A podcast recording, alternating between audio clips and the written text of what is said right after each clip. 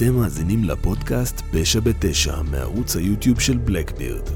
הפודקאסט פשע בתשע משודר פעם בחודש ביוטיוב ומוצגות תמונות מהמקרים השונים. פשע בתשע, מתחילים.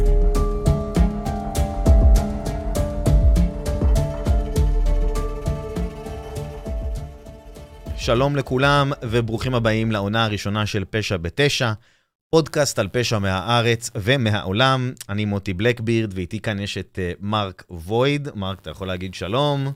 שלום לכולם. שלום מרק. מה המצב? איך אתה? מעולה, מה איתך מוטי? אתה עם, עם דני רולינג. כן, תכף, תכף נגיע אליו. חשוב לי לציין, וזה חשוב מאוד, במהלך הפודקאסט אנחנו נציג תמונות מהמקרים. ובנוסף נתאר במילים מקרים מסוימים שיכולים להיות מאוד קשים לשמיעה. אז אם אתם מרגישים לא בנוח, זה בסדר, הכל טוב, אתם מוזמנים לצאת או לדלג על הקטעים. לא אני ולא מרק מומחים לפשע, לא למדנו פשע, אנחנו פשוט חובבים של פשע, ואת המחקר שלנו עשינו בצורה עצמאית על כל מקרה שאנחנו מציגים. עורך הפודקאסט הוא בין 40 דקות אה, לשעה. הפודקאסט הזה הוא פעמיים, הוא פעם בשבועיים ביוטיוב, אה, כמובן שבין לבין עולים אה, סרטונים ולייבים אחרים. אני מקווה מאוד שתהנו.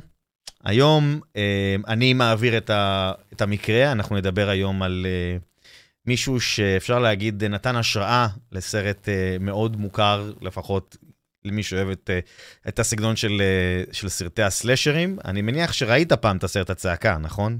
יצא לך לי... כן, ראיתי, נראה לי, נראה לי את הראשון ואת השלישי זה היה. הראשון והשלישי. לא, לא יצא לי לראות את הרוב. אז רק שתדע, השלישי לפי דעתי זה הכי גרוע שיצא בסדרה. הראשון היה masterpiece. כאילו ממש ככה.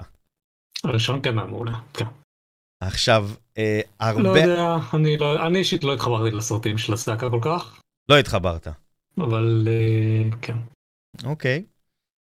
אמ, אז אוקיי, אז בכל מקרה, מה שמעניין זה שווס קרייבן זה המפיק שהפיק את, את הצעקה, את הראשון לפחות עד הרביעי, ואז הוא נפטר, אמ, לקח את ההשראה של הדמות של Ghostface, הדמות של הרוצח בסדרה של הסרטים, המקרים שהוא עשה, מרוצח אמיתי שחי בשנות התשעים ורצח אה, שמונה אנשים, מתוכם היו חמישה סטודנטים שאותם הוא רצח, אפשר להגיד, בתוך 72 שעות. הוא, בוא נגיד ככה, הוא עשה מרדר ספרי מטורף. כן. טוב, אז אנחנו uh, בסוף הקיץ של שנת 1990, אפשר להגיד uh, ממש לקראת uh, uh, ספטמבר, חודש ספטמבר, זה יותר באוגוסט. אנחנו נמצאים במדינת פלורידה, באוניברסיטה שנקראת uh, גנסוויל, שזה גם עיירה קטנה שנמצאת בפלורידה. Uh, זאת האוניברסיטה, אגב, למי שרוצה לדעת. שנת הלימודים עומדת להתחיל, ולקראת הלימודים באוניברסיטה, אלפי סטודנטים מגיעים לכאן כדי ללמוד. הם עוזבים את הבית שלהם ומגיעים כדי להתחיל את הלימודים, כל אחד בצורה אחרת, כמובן במקצוע אחר, כל אחד יש לו את השאיפות שלו. אני יודע שאתה השתחררת מהצבא, אז אתה עכשיו גם בדרך ללמוד, נכון? יש לך גם איזושהי אה, מחשבה כנראה על לימודים. בקרוב, בקרוב, אל תדאג. כן. כן, אני מתכנן ללמוד. מתכנן זה טוב. מה אתה מתכנן ללמוד אגב? זהו, חשבתי על uh, מדעי ההתנהגות, שזה יותר לכיוון הפסיכולוגיה וזה, אהה. וגם זה משלב קרימינולוגיה על הדרך, אז ככה שיוצא טוב, הייתי אומר. הבנתי. אז אוקיי, אז אנחנו ממש בסוף uh, אוגוסט, אנחנו ב-26 באוגוסט, יוצא יום ראשון. ובתחנת המשטרה אה, נכנסת שיחת טלפון מההורים של אה, שתי נערות שגרות ביחד, קריסטינה פאוול וסוניה לארסון, שהיו כנראה שותפות בדירה. עכשיו, אה, ההורים אמרו שהם מנסים ליצור קשר עם הבנות שלהם כבר כמה ימים, אבל הם לא מוצאים, אף אחד לא עונה להם, אין תשובה. אז הם ביקשו לשלוח משטרה לבדוק מה הולך בבית.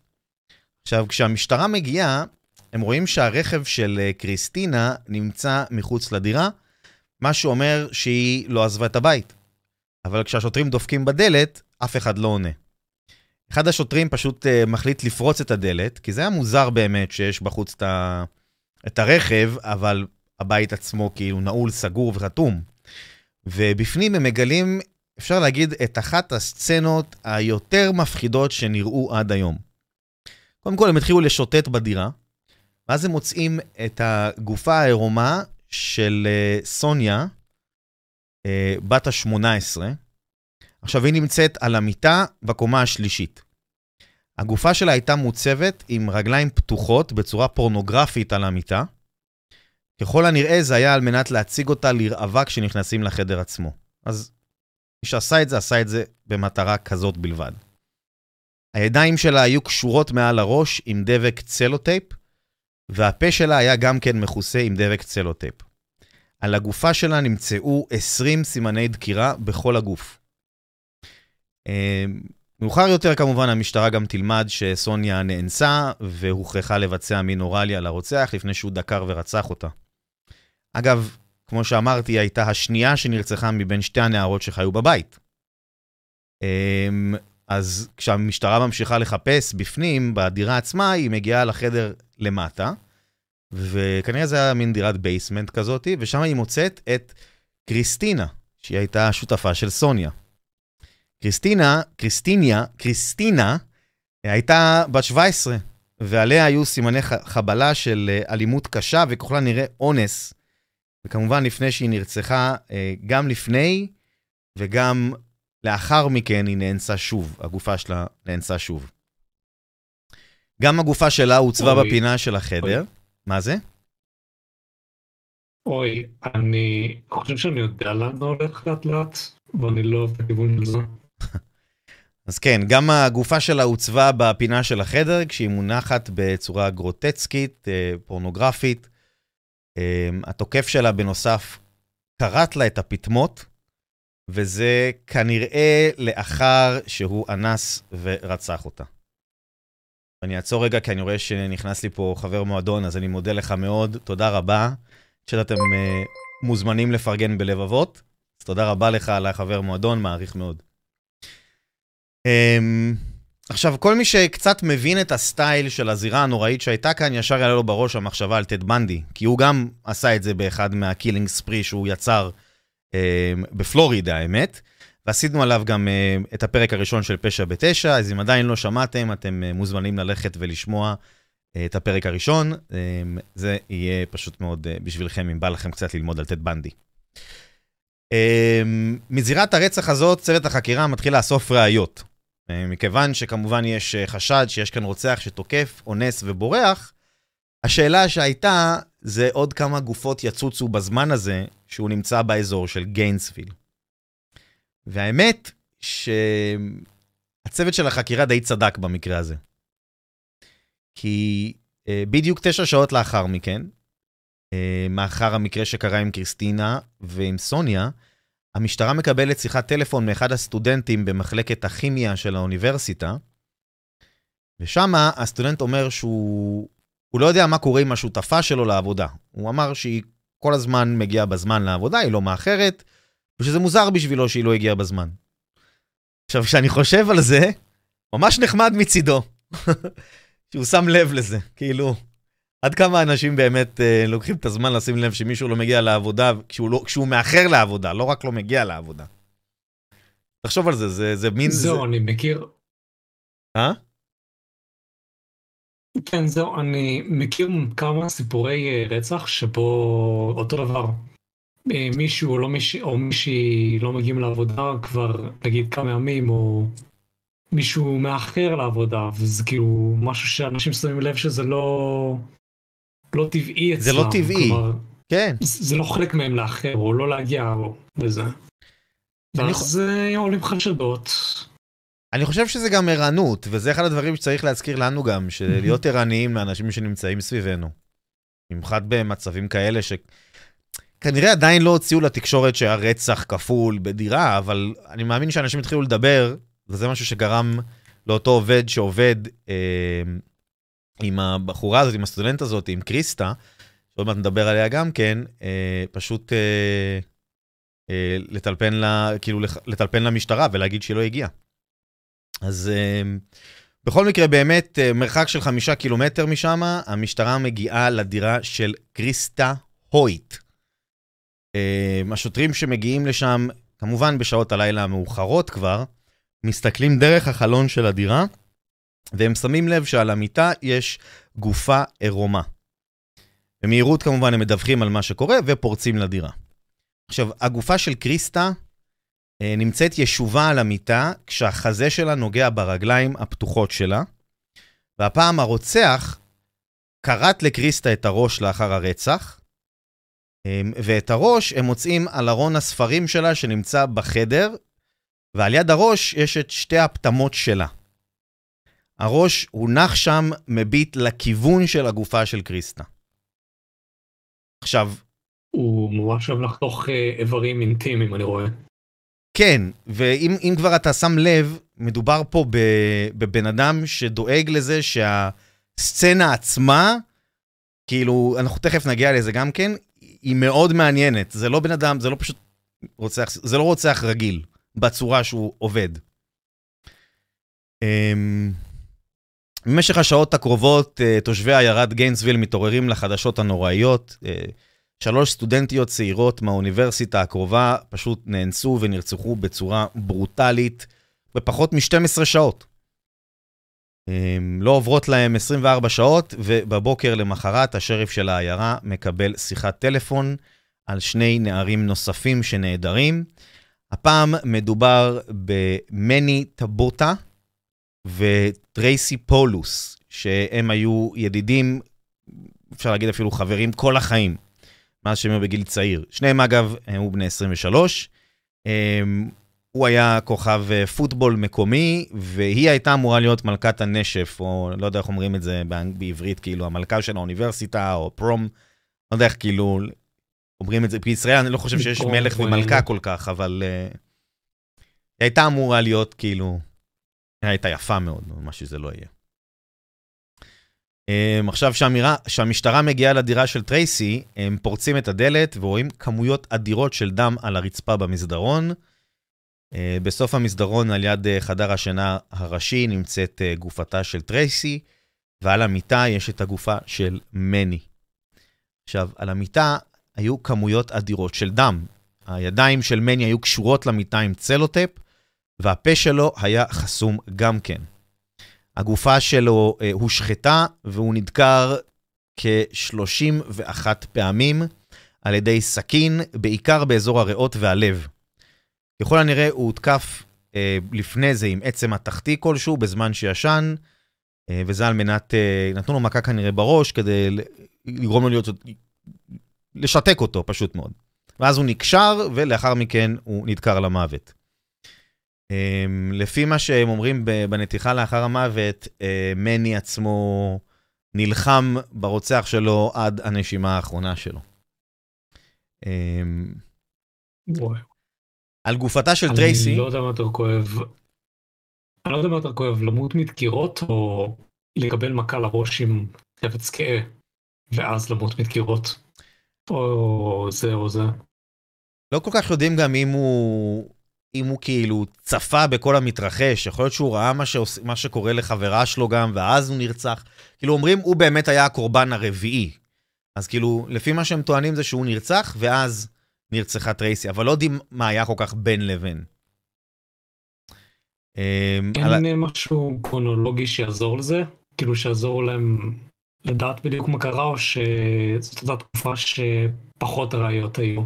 לא, כאלה. דווקא שנות ה-90 כבר אפשר להגיד שהצליחו לזהות אה, ראיות ובדיקות DNA והכול. פה הם יודעים שהוא פשוט היה הרביעי שנרצח, והיא נרצחה אחרי זה. בכל מקרה, אבל על הגופה של אה, טרייסי, החברה שלו, נמצאו אה, סימני חבלה, והיא גם נאנסה על ידי כל מיני עצמים חדים שהוחדרו לתוך איבר המין שלה. אמ, אבל מה שהיה שונה הפעם, זה שהגופה שלה לא הייתה מונחת בצורה מסוימת, ו, אמ, וזה קצת, כאילו, זה הדליק נורה אדומה לחוקרים. הם אומרים שכנראה במקרה הזה התוקף היה בטוח שאין לו מספיק זמן, הוא הרגיש לחוץ, כי במקרים הקודמים הוא ממש לקח את הזמן. תכף נדבר על זה גם כן.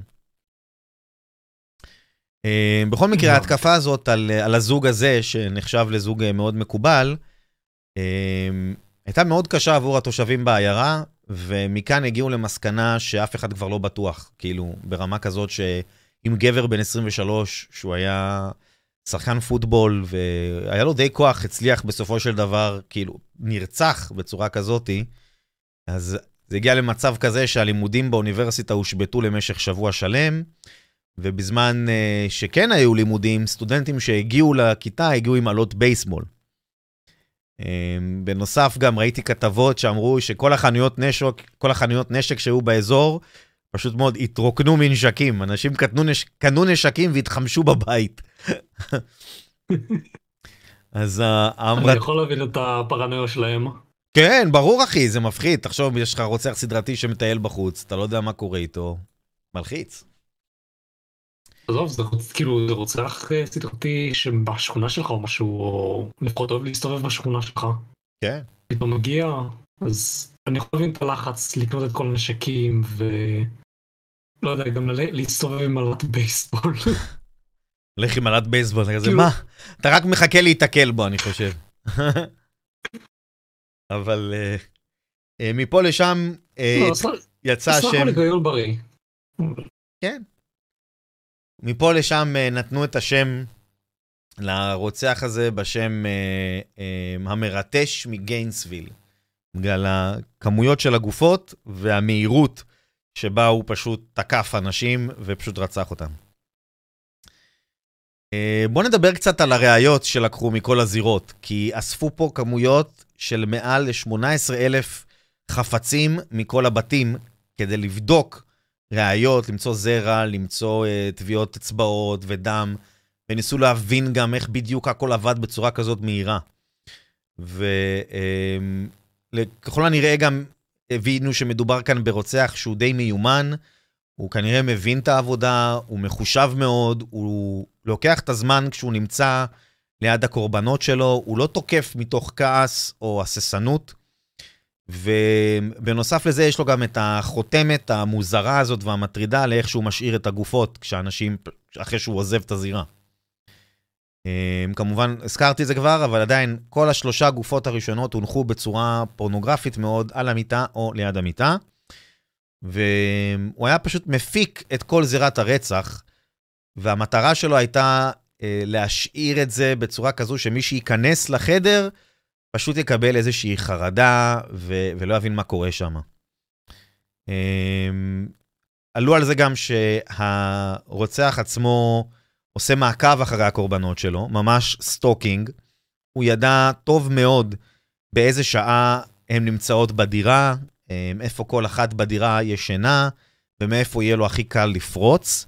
לפי מה שהם עשו בדיקות על הדלתות ועל החלונות, אה, גילו שהוא נכנס דרך הדלת האחורית ככל הנראה זה היה המרפסת, כי יש שם מין דלת הזזה מזכוכית. זה מעניין שזה היה די זהה לדירות שהיו שם. טוב, זה פלורידה, אז חם, אז זה קורה בדרך כלל. אמ, אז הוא פשוט פרץ את הדלת, הזיז אותה ופשוט נכנס לבפנים. עכשיו, מה שיותר מטריד, תנסה רגע לדמיין את זה.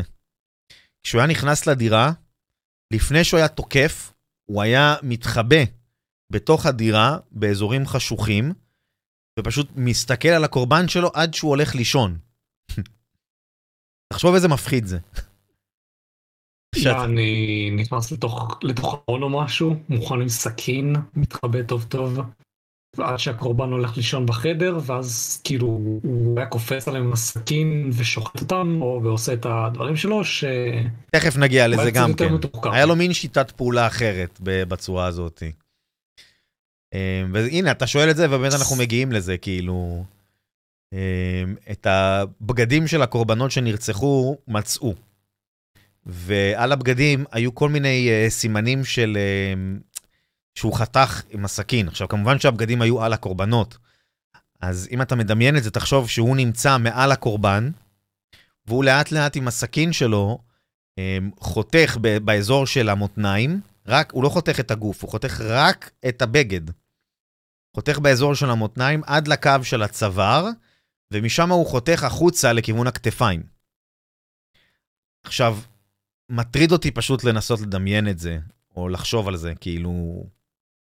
על, על הבן אדם, הבת אדם שצריכה לס, לסבול את זה באיזושהי צורה. אמ, את החזיות של הקורבנות הוא פשוט קרא באכזריות, הוא לא, לא, לא, לא היה לו כל כך אה, אה, איזושהי שיטה להפשיט את החזייה. אה, אז. אז כל זה עושה בזמן שהוא נמצא מעל הקורבן.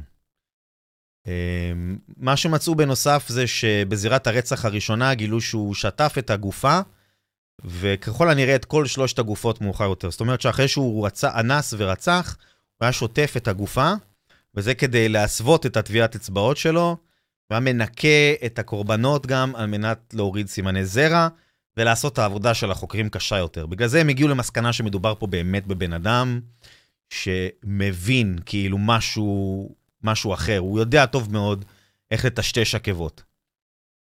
אמ, או שאולי הוא רצח בעבר. אה, כל הקורבנות שלו היו עם אה, מבנה גוף רזה, חוץ מהגבר, שנראה לי שהוא פשוט, אה, לפי מה שגם קראתי, ידוע שהוא חבר של טרייסי, אבל לא ידוע, לא, הם אומרים שהם לא חושבים שהם ידעו שהוא היה בדירה, אז הוא היה הפתעה בשבילו, וכנראה זה מה שהלחיץ אותו גם כן. אה, אבל כל הנשים היו סטודנטיות מצליחות שלה בלימודים שלהם, אבל לא היה להם קשר אחת לשנייה, הם לא היו חברות. פשוט סטודנטיות מצליחות, כל אחת בפקולטה אחרת, בלימודים אחרים. אה, הבנתי. ואתה אומר שהגבר מני היה מן הסתם כנראה כנראה לא, לא ידוע שהוא היה בתוך הדירה שלה או משהו אז כנראה לא, לא. אז אתה בעצם אה. אומר ש... יכול להיות כאילו- שבשביל, יכול להיות כאילו, שבשביל היה הרוצח בדירה. זה היה הפתעה שהוא היה שם, כן. אבל הוא לא ידע את זה כן יכול להיות, כן. יכול להיות שפה באמת. היה, וזה מה שהלחיץ אותו, ובגלל זה הוא גם עשה את זה יותר מהיר.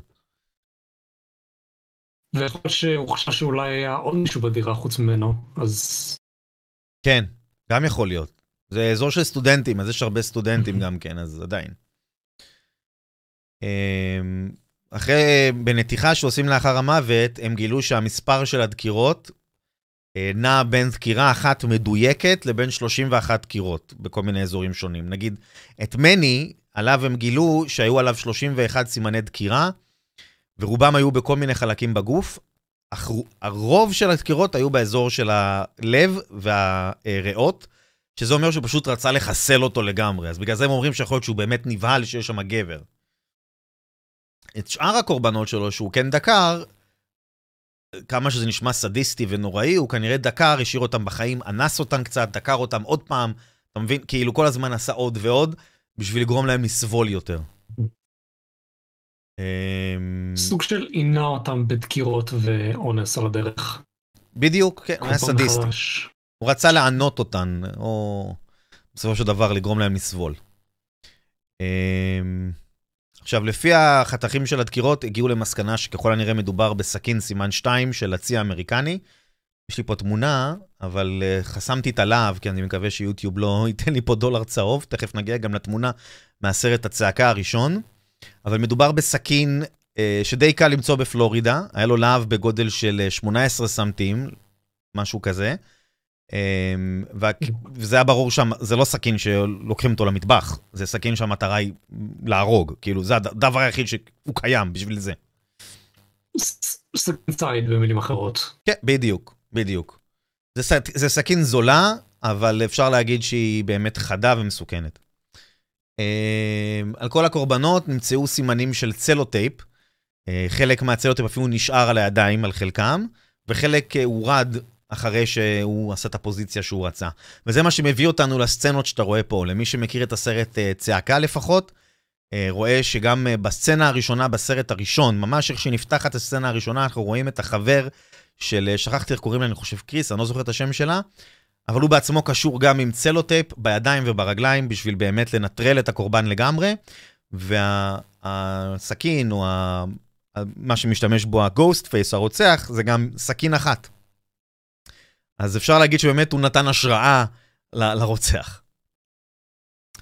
אמ, אוקיי, כמו שאמרתי גם בהתחלה, מכל זירות הרצח נאספו לפחות כ-18,000 פריטים, אה, חלקים מהם היו לראיות. אמ, בין הראיות לקחו את התחתונים של, קריסטי, של קריסטינה וקריסטה, עשו שם כמובן אה, למצוא איזה שהם ראיות פורנזיות, זאת אומרת שאם עושים דגימות זרע או דגימות דם, אצל שתיהן גילו שהאנס של שתי הנערות הוא אותו אדם, אבל לא, לא היה להם שם עדיין. כאילו גילו, הד- הדגימת זרע הביאה את זה שבאמת אה, מדובר פה באותו בן אדם, ככה הם גם עלו על זה שמדובר ברוצח סדרתי ולא מקרה אחר. אז עכשיו, המשטרה מנסה להבין מה קורה פה.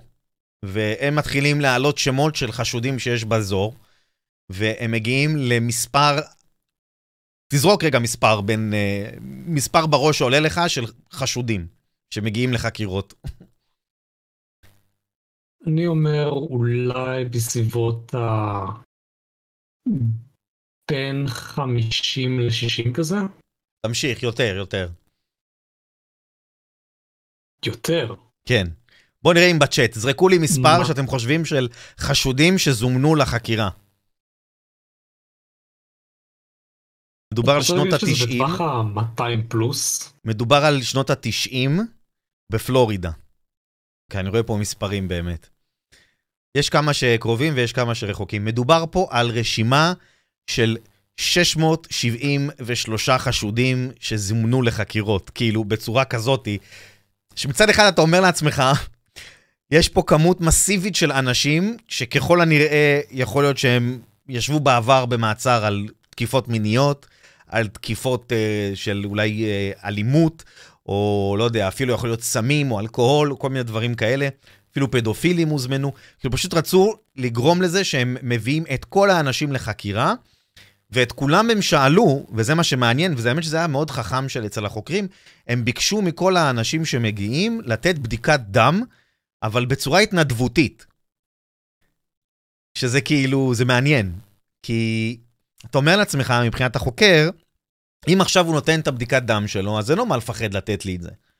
ואז אם הוא נותן, וזה לא הוא, אז אני מוריד אותו מהרשימה אוטומטית. Mm, אני מנפה כאילו את כל מי שלא קשור. אבל אם הוא לא נותן, אז זה כבר יחשיד באיזשהו מקום. כאילו, למה אתה לא רוצה את בדיקת דם אם זה לא אתה? הבנתי. זה כמו לעשות פילטר כזה? זה בדיוק פילטר. בשביל- בדיוק פילטר. זהו. אז הם רצו באמת להוריד כמה שיותר אנשים. זה חשוד. ב... הם רצו, בדיוק, הם רצו להוריד כמה שיותר אנשים מהרשימה שהייתה להם של חשודים באזור. אמ, עכשיו, מכל החשודים האלה, עולה שם של חשוד אחד. ולחשוד הזה קוראים אדוארד לואיס, שהוא היה בן 18, שבדיוק כמה רגעים לפני הרצח, אחד האנשים שהיה מחוץ, לפני הרצח של אה, מני וטרייסי, אחד השכנים ראה אותו יוצא מהדירה. מה זה כמה רגעים? כנראה כמה שעות לפני, הוא כנראה יצא מהדירה. וידוע עליו שהוא נחשב לאדם אלים, היה לו כמה, כל מיני אה, תקיפות שהוא עשה בעבר, הוא נכנס לכל מיני מקרי אלימות. גם אה, מי שרואה פה יכול לראות שגם יש לו מין צלקת מאוד גדולה, זאת אומרת שהוא גם עבר טיפה התקפה. ומסתבר גם שהוא לא היה הטיפוס הכי חכם, שזה קצת לא נופל על הפרופיל של, ה... של הרוצח שלנו, אבל למה הוא לא היה טיפוס חכם? כי בדיוק בזמן שכל הבלגן הזה קורה בגיינסוויל, הוא נכנס לאחד אה, הבנקים בשכונה, והוא דיבר שם עם אחת הנשים שעובדות, והוא אמר שיש לו אוסף של סכינים בבית שיכול לחתוך את האור שלה במהירות. עכשיו, כמובן שהדבר הראשון שהיא עושה, כשיש רוצח שמשתובב חופשי ורוצח כל מה שזז עם סכין, זה להתקשר למשטרה. אמ, אז המשטרה זה- עוצרת את אדוארד. שתגיע, זה כמו שתגיע עכשיו לבן אדם רנדומלי ברחוב או אישה, אומר, היי, יש לי, אני הולך לרצוח אותך.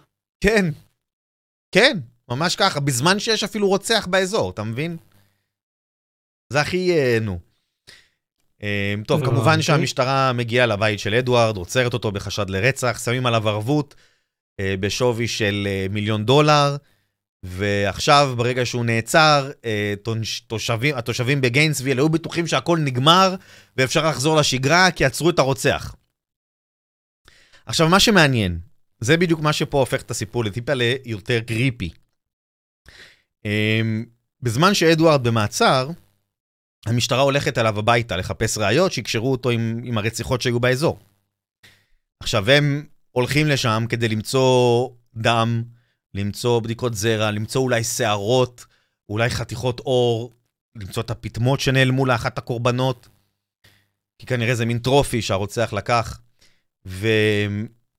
והחוקרים חוזרים עם טענות מוזרות. הם אומרים שמצד אחד, הדירה של אדוארד הייתה מאוד מסודרת, מאוד נקייה, אבל מצד שני, הם מוצאים אצלו בדירה הרבה דברים שבורים, שככל הנראה נשברו כתוצאה מזעם שהוא היה חווה, התקפות של זעם שהוא היה חווה.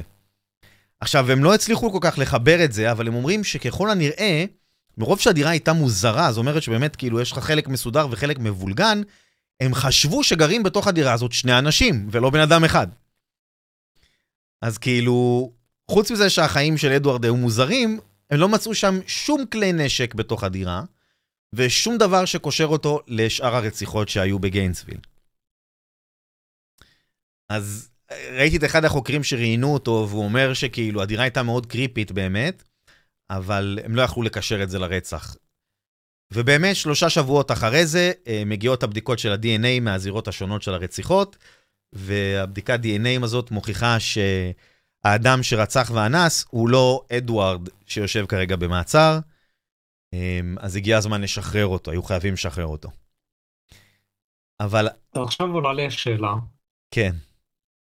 מה, מה הוא עשה בדירה של הסטודנטית הזאת שנרצחה שם אז? שאלה טובה. אני או... כש...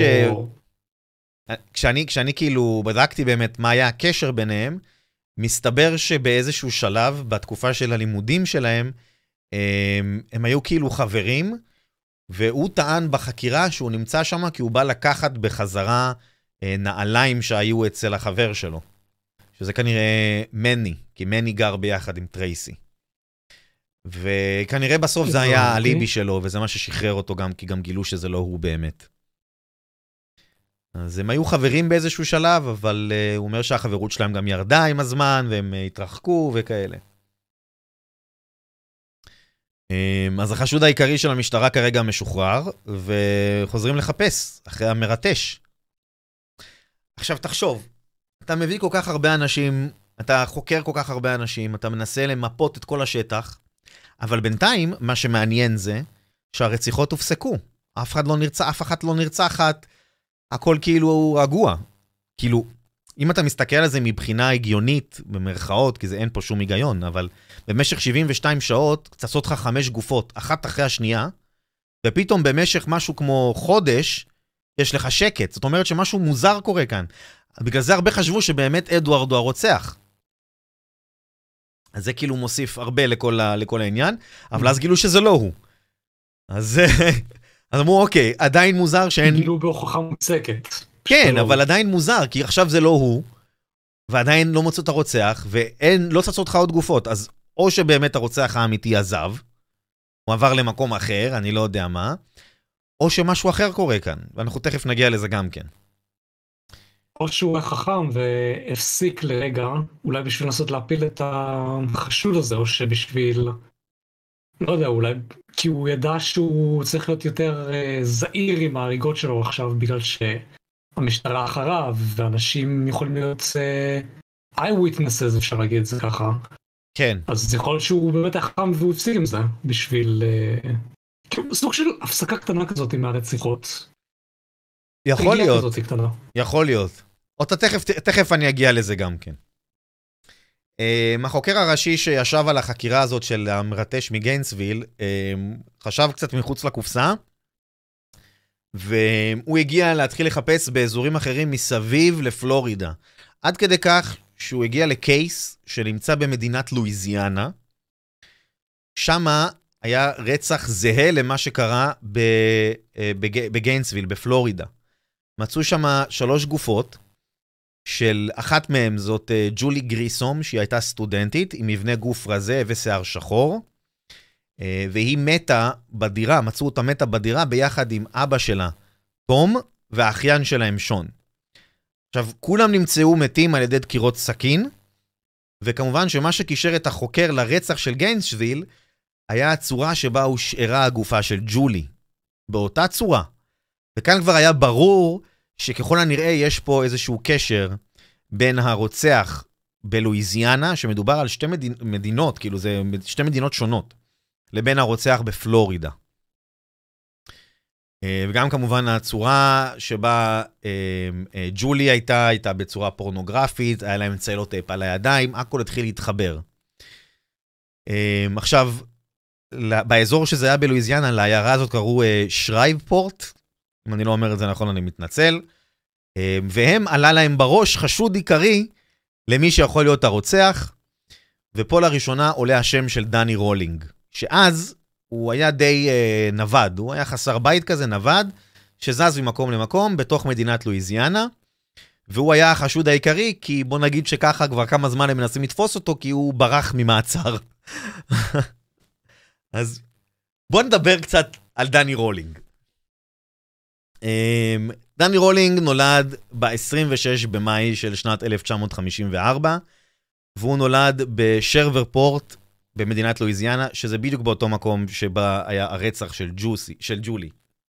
עכשיו, לצערו הרב, אביו של דני, ג'יימס, מעולם לא רצה ילדים, ועם כמה שזה יישמע מוזר, הוא גם היה שוטר. אה, דני גדל במסגרת מאוד אלימה, הוא ואח שלו קווין קיבלו מכות על שטויות שילדים עושים, כמו לפי מה שדני מתאר, ואני אומר שטויות במרכאות, אם הוא היה נושם בצורה לא נכונה, זה היה מעצבן את האבא השוטר שלו, הוא היה פשוט מכה אותם באכזריות. אה, כשאימא שלו ניסתה להגן עליהם, היא בעצמה הייתה מקבלת מכות. אה, במקרה אחר, דני מתאר את זה שבתור ילד, אבא שלו היה נוהג לאזוק אותם עם האזיקים, כשהם היו עוברים על החוק בבית, ומשכיב אותם לרצפה כשהם עם הפנים לקרקע. כאילו, אבא הולך עם האקדחים בבית, אומר, I'm the law, כאילו, ממש ככה. כאילו, respect my authority, אני עולה לי רק הדמות של, אה, של קארטמן מסאוט פארק, אני לא יודע למה. העיקר הצורה האירונית, כאילו, דבר אירוני זה שהוא בעצמו, בוא נגיד ככה, לא... לא, לא כזה חיבר את החוק, וקצת, אה, אתה יודע, כן. אלימות בבית, במשפחה, וזה. אה, קלאודיה, אשתו של ג'יימס, שהיא הייתה אימא של דני, אה, הייתה עוזבת את הבית, וזה כמובן בגלל בעלה, אבל כל הזמן היא הייתה חוזרת. כל הזמן היה, הוא היה מתחנן שהיא תחזור, היא הייתה חוזרת. היה עוד מקרה שדני זוכר שהיה לו כלב, שהוא לקח מהרחוב כדי לטפל בו כשהוא היה קטן, ואבא שלו אה, שמע על זה שהוא לוקח את הכלב, הוא הרביץ לכלב עד שהכלב פשוט מת בידיים של דני. בשנת אלף. אלף, טראומטי מאוד, אחי, אין ספק. אה, בשנת 1900... אה, כן, כן, מאוד. אה, בשנת 1965, כשדני בן 11, אימא שלו חוזרת הביתה לאחר שהיא ברחה שוב. כמה שבועות לאחר מכן הם רבים, היא פוצעת את עצמה, מנסה להתאבד. אבא של דני פורץ את השירותים, איפה שהיא התבצרה, והיא ניסתה להתאבד, אז בתור תגובה, הוא פשוט הרביץ לה כל כך, עד שהיו צריכים לאשפז אותה בבית חולים. אמ, דני מנסה להגן עליה, והוא גם מקבל מכות. והשנה אמ, הזאת, שנת 65, הייתה מאוד קשוחה עבורו. בתור ילד קטן בן 11, הוא כבר מתחיל לשתות אלכוהול, והוא מתחיל לפתח כל מיני רעיונות סדיסטיים עם נקמה פשוט מאוד על אבא שלו. אמ, יועצים בבית ספר של דני טוענים כל הזמן שהוא מראה תסמינים של מגלומניה, הפרעות נפש כאלה אחרות, אה, שהוא מפתח מין זהויות שונות. אבל אמרו לו, אמרו שהוא צריך טיפול, אבל אף אחד כמובן לא טיפל בו. אמ, בתקופה שהוא היה נער, אה, הוא גדל להיות פושע פשוט, הוא היה פורץ לכל מיני חנויות ונעצר לאחר מכן. בגיל 12 אבא שלו תופס אותו שהוא מציץ לשכנה שלו כשהיא הייתה מתלבשת. אבא שלו כמובן בתגובה מרביץ לו. אמ, ובשנת 1970 הוא נעצר בפעם השנייה כבר, הוא נכנס לכלא, וזה לאחר שאבא שלו עוצר אותו ופשוט זורק אותו לכלא במספר חודשים. תבין איזה סיפור יש לו עם אבא. עד כדי כך. אמ, שנה לאחר מכן הוא נעצר שוב על בעיות אלכוהול. אה, כמה שנים לאחר מכן, כמו כל הדרכים של הרוצחים הסדרתיים שאני שומע עליהם כל הזמן, הוא מצטרף, מצטרף לצבא אה, ומשרת בחיל האוויר. אה, בזמן הזה הוא מוצב במדינת פלורידה. הוא לא שורד שם הרבה זמן, ולאחר כמה חודשים פשוט זורקים אותו מהצבא כי הוא לא נשמע לפקודות, והתחיל להתמכר לסמים. בשנת 74 הוא מתחתן, נולדה לו בת, ולאחר כמה שנים, בשנת 77, הזוג מתגרש, וזה לאחר שאשתו, אה, זאת אשתו אגב, אה, פשוט הותקפה ממנו באלימות. אז שנה פשוט התגרשו. שנה לאחר מכן, אז הוא ירש, ירש את האלימות מאבא. הוא ירש את האלימות. מאבא, ברור, ברור. תקין, זה ככה, זה כאילו, like father like son בצורה כזאתי. אמ, שנה לאחר ה- ה- אמ, הת- הגירושים, הוא תוקף מינית לראשונה אישה שהזכירה לו את אשתו. עכשיו, יש קשר בין האישה שלו לבין הקורבנות שלו. אם אתה שם לב, אשתו גם היה לה מבנה גוף רזה, היה לה שיער אה, שחרחר, אדמוני, אז יש פה מין קטע כזה של לנסות אה, להוציא זעם על נשים שכנראה בגדו בו או זרקו אותו, וכנראה שיש פה גם משהו עם אימא שלו, שלפי איך שהוא ראה את זה בתור ילד, זה מה שאמרו רק החוקרים, הוא סבל כנראה מנטישה, מבעיות נטישה. אמ, אוקיי, עכשיו כמובן שהמשטרה בגיינסוויל, אה, בפלורידה, שומעת על החשוד שיש בו לואיזיאנה, הם מתחילים להצליב מידע, והם מנסים לבדוק איזה מקרים היו באזור שלא קשורים דווקא לרצח. ואז הם מגלים מהמשטרה בפלורידה שאת אה, דני רולינג היו עוצרים הרבה על זה שהוא היה שודד בנקים. היה נכנס לבנקים מקומיים קטנים, זה לא כמו בארץ שיש בנקים, אה, בנק לאומי, כאלה גדולים, יש גם בנקים קטנים, הוא פשוט שודד אותם ובורח. ופתאום הם מגלים שבבוקר שקריסטה יוט אה, נרצחה, נשדד בנק ממש קרוב לבית שלה. אז השוטרים כמובן פותחים במרדף, באותו זמן שהיה את. את השוד, הם פותחים במרדף לאחר אדם עם נשק לתוך היערות, והוא מצליח לברוח ולהיעלם. שבוע שעובר אחרי השוד בנק הזה אה, בגיינסוויל, במרחק של 80 קילומטר, יש עוד מקרה שוד של חנות מכולת, והבחור ששדד את החנות נעצר, והוא עכשיו בכלא. עכשיו תנחש מי זה היה?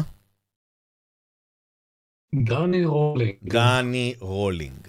בכל הזמן הזה, כשאחרי שהוא עשה את הרציחות והכל, הוא פשוט יושב כבר בכלא.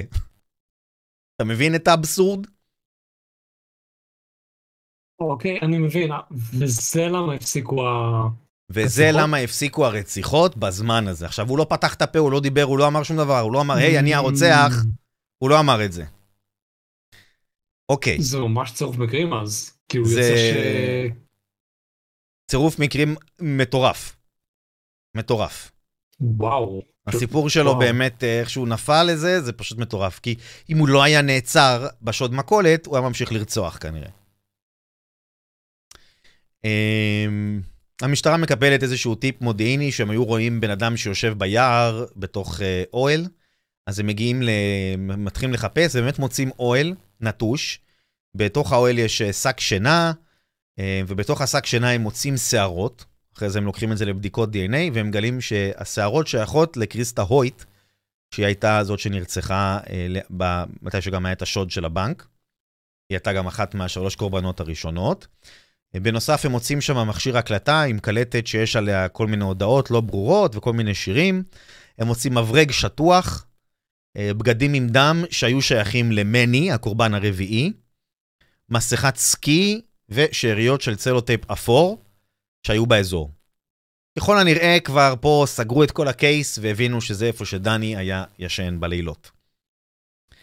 אה, לאחר שלוש שבועות מגיעות בדיקות DNA והן תואמות לדני רולינג. המברג שנמצא באוהל מלמד את החוקרים שבעזרתו הוא היה פורץ לבתים של הקורבנות בקלות. אתה זוכר, אמרתי את זה בהתחלה, הוא היה נכנס דרך המרפסת. אה, אז זה עזר לו מאוד. ואז הוא הוא מתחבא איפשהו בבית עד שהקורבן הולך לישון. כן. נכון, בדיוק. Um, הוא אובחן כפסיכופת עם בעיות uh, זהות. הוא טען כל הזמן שהוא שומע קולות שאומרים לו לתקוף את הדבר הרע, והוא באמת האמין שהוא עושה עבודת קודש באיזושהי צורה. Um, הרציחות בגיינסוויל היו בסוף הקיץ של שנת 1990, ובמשפט נגדו הוא טען שהוא רצה להיות כוכב כמו טד בנדי. Um, אחרי ארבע שנים של uh, משפט, uh, בשנת 94, uh, בית המשפט מחליט בפה אחד גזר דין מוות, ובשנת 2006 בית המשפט מבצע את גזר הדין ומוציא אותו להורג. אגב, זה האוהל, סליחה, רציתי להראות לכם. Um, אבל בשנת 2006 בית המשפט מבצע את גזר הדין, ופשוט אה, מוציא אותו להורג בזריקת מוות.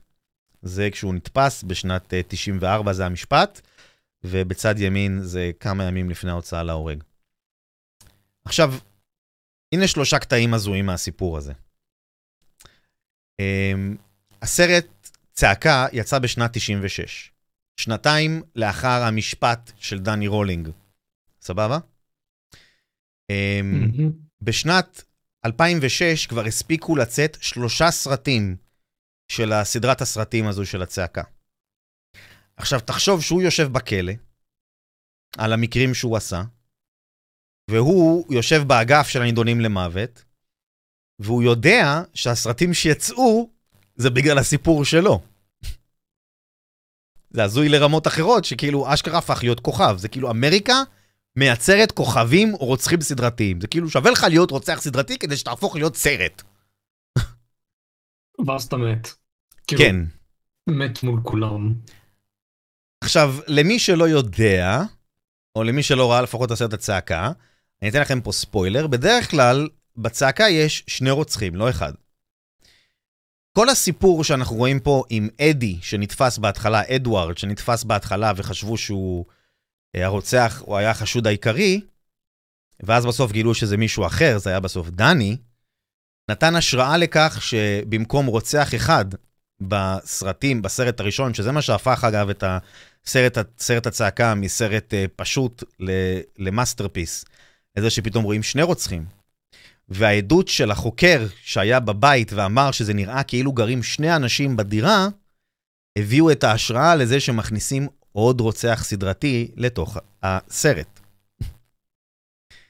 אמ, מה שמעניין זה גם שברוב, בכל הסרטים, אה, יש לך שני רוצחים, אחד שהוא באמת יש לו סיבה, או לפחות בראש לו יש איזושהי סיבה לרצוח, והשני מצטרף. אז גם פה הם עשו איזשהו קשר. אמ, עוד משהו מעניין, זה הפריט האחרון, זה שאתה רואה את האישה פה בצד ימין? אם אתה מסתכל עליה טוב, אתה רואה שיש לו את אותו אה, מבנה, אפשר להגיד לפחות איך שדני אהב, שיער שחור. אז לבחורה הזאת קוראים... אה, השחור מבנה גוף הזה. כן, פחות או יותר, פה היא כבר טיפה יותר, היום היא כבר טיפה יותר מבוגרת, אבל זו התקופה משנות, אה, זה, זה משנת 93 נראה לי התמונה הזאתי. אבל הבחורה הזאת קוראים סונדרה לונדון, שהיא הייתה עושה ביוגרפיה על רוצחים סדרתיים. אה, החבר הראשון שלה היה רוצח סדרתי, וזה כנראה מה שגרם לה לכתוב אה, ספרים על רוצחים סדרתיים. והיא ודני היו מתכתבים אחד, על, אחד עם השני, ובאיזשהו שלב הם פיתחו קשר מאוד מוזר ביניהם, והם בכלא התארסו. אז כאילו,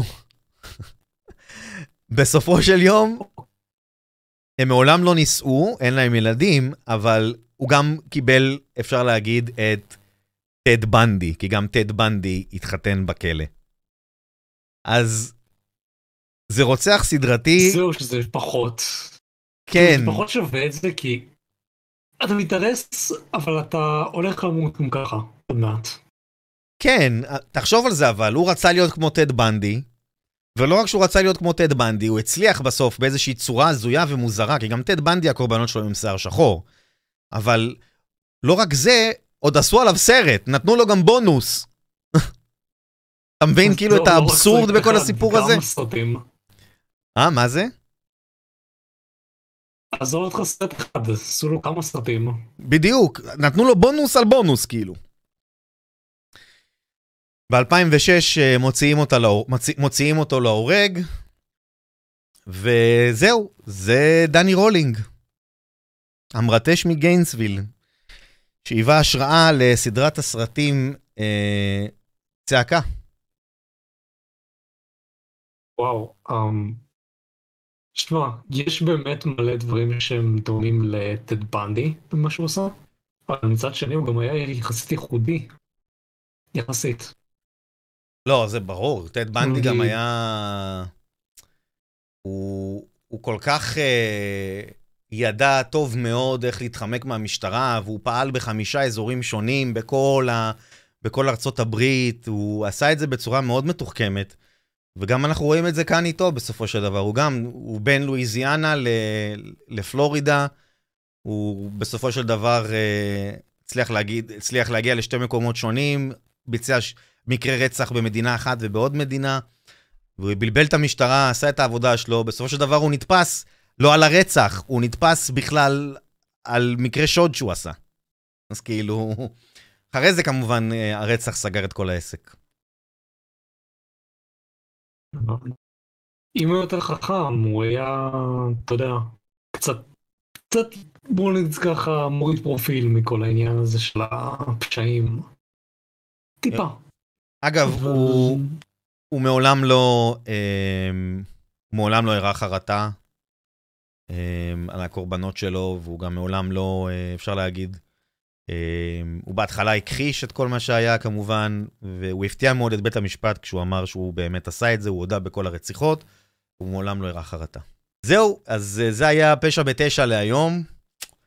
תודה רבה לך, אה, וויד, שהצטרפת. אני מעריך מאוד, אחי. תודה רבה מוטי על ה... על הסיפור המרתק של דני רולינג. ו... כן, דבר, אני אגיד אחר כך. זה, לא, וזהו, ואני כאילו אה, מתרגש לשמוע מה הולך להיות בפרק הבא שאתה תעביר. זה הולך להיות מעניין. זאת, זאת הולכת להיות הפתעה. יאללה, בכיף. אתה תבין לבד. יכול שאתה כבר מכיר אותו, יכול שלא. אה, נראה, נראה. אה, תודה רבה לכל מי שהיה פה, תודה רבה לוויד, מרק, מעריך מאוד שאתה כאן איתי. אה, אוהב אתכם, שיהיה לכם אחלה לילה שבעולם, וכמובן תשמרו על עצמכם אם אתם נמצאים בצפון, אני מקווה שאיכשהו הצלחנו להוציא אתכם מכל האווירה הנאחסת הזאת שעוברת כאן. אה, אוהב אתכם, מעריך אתכם, ונדבר ב... ניפגש, ניפגש. אה, יאללה ביי. ביי. ביי ביי.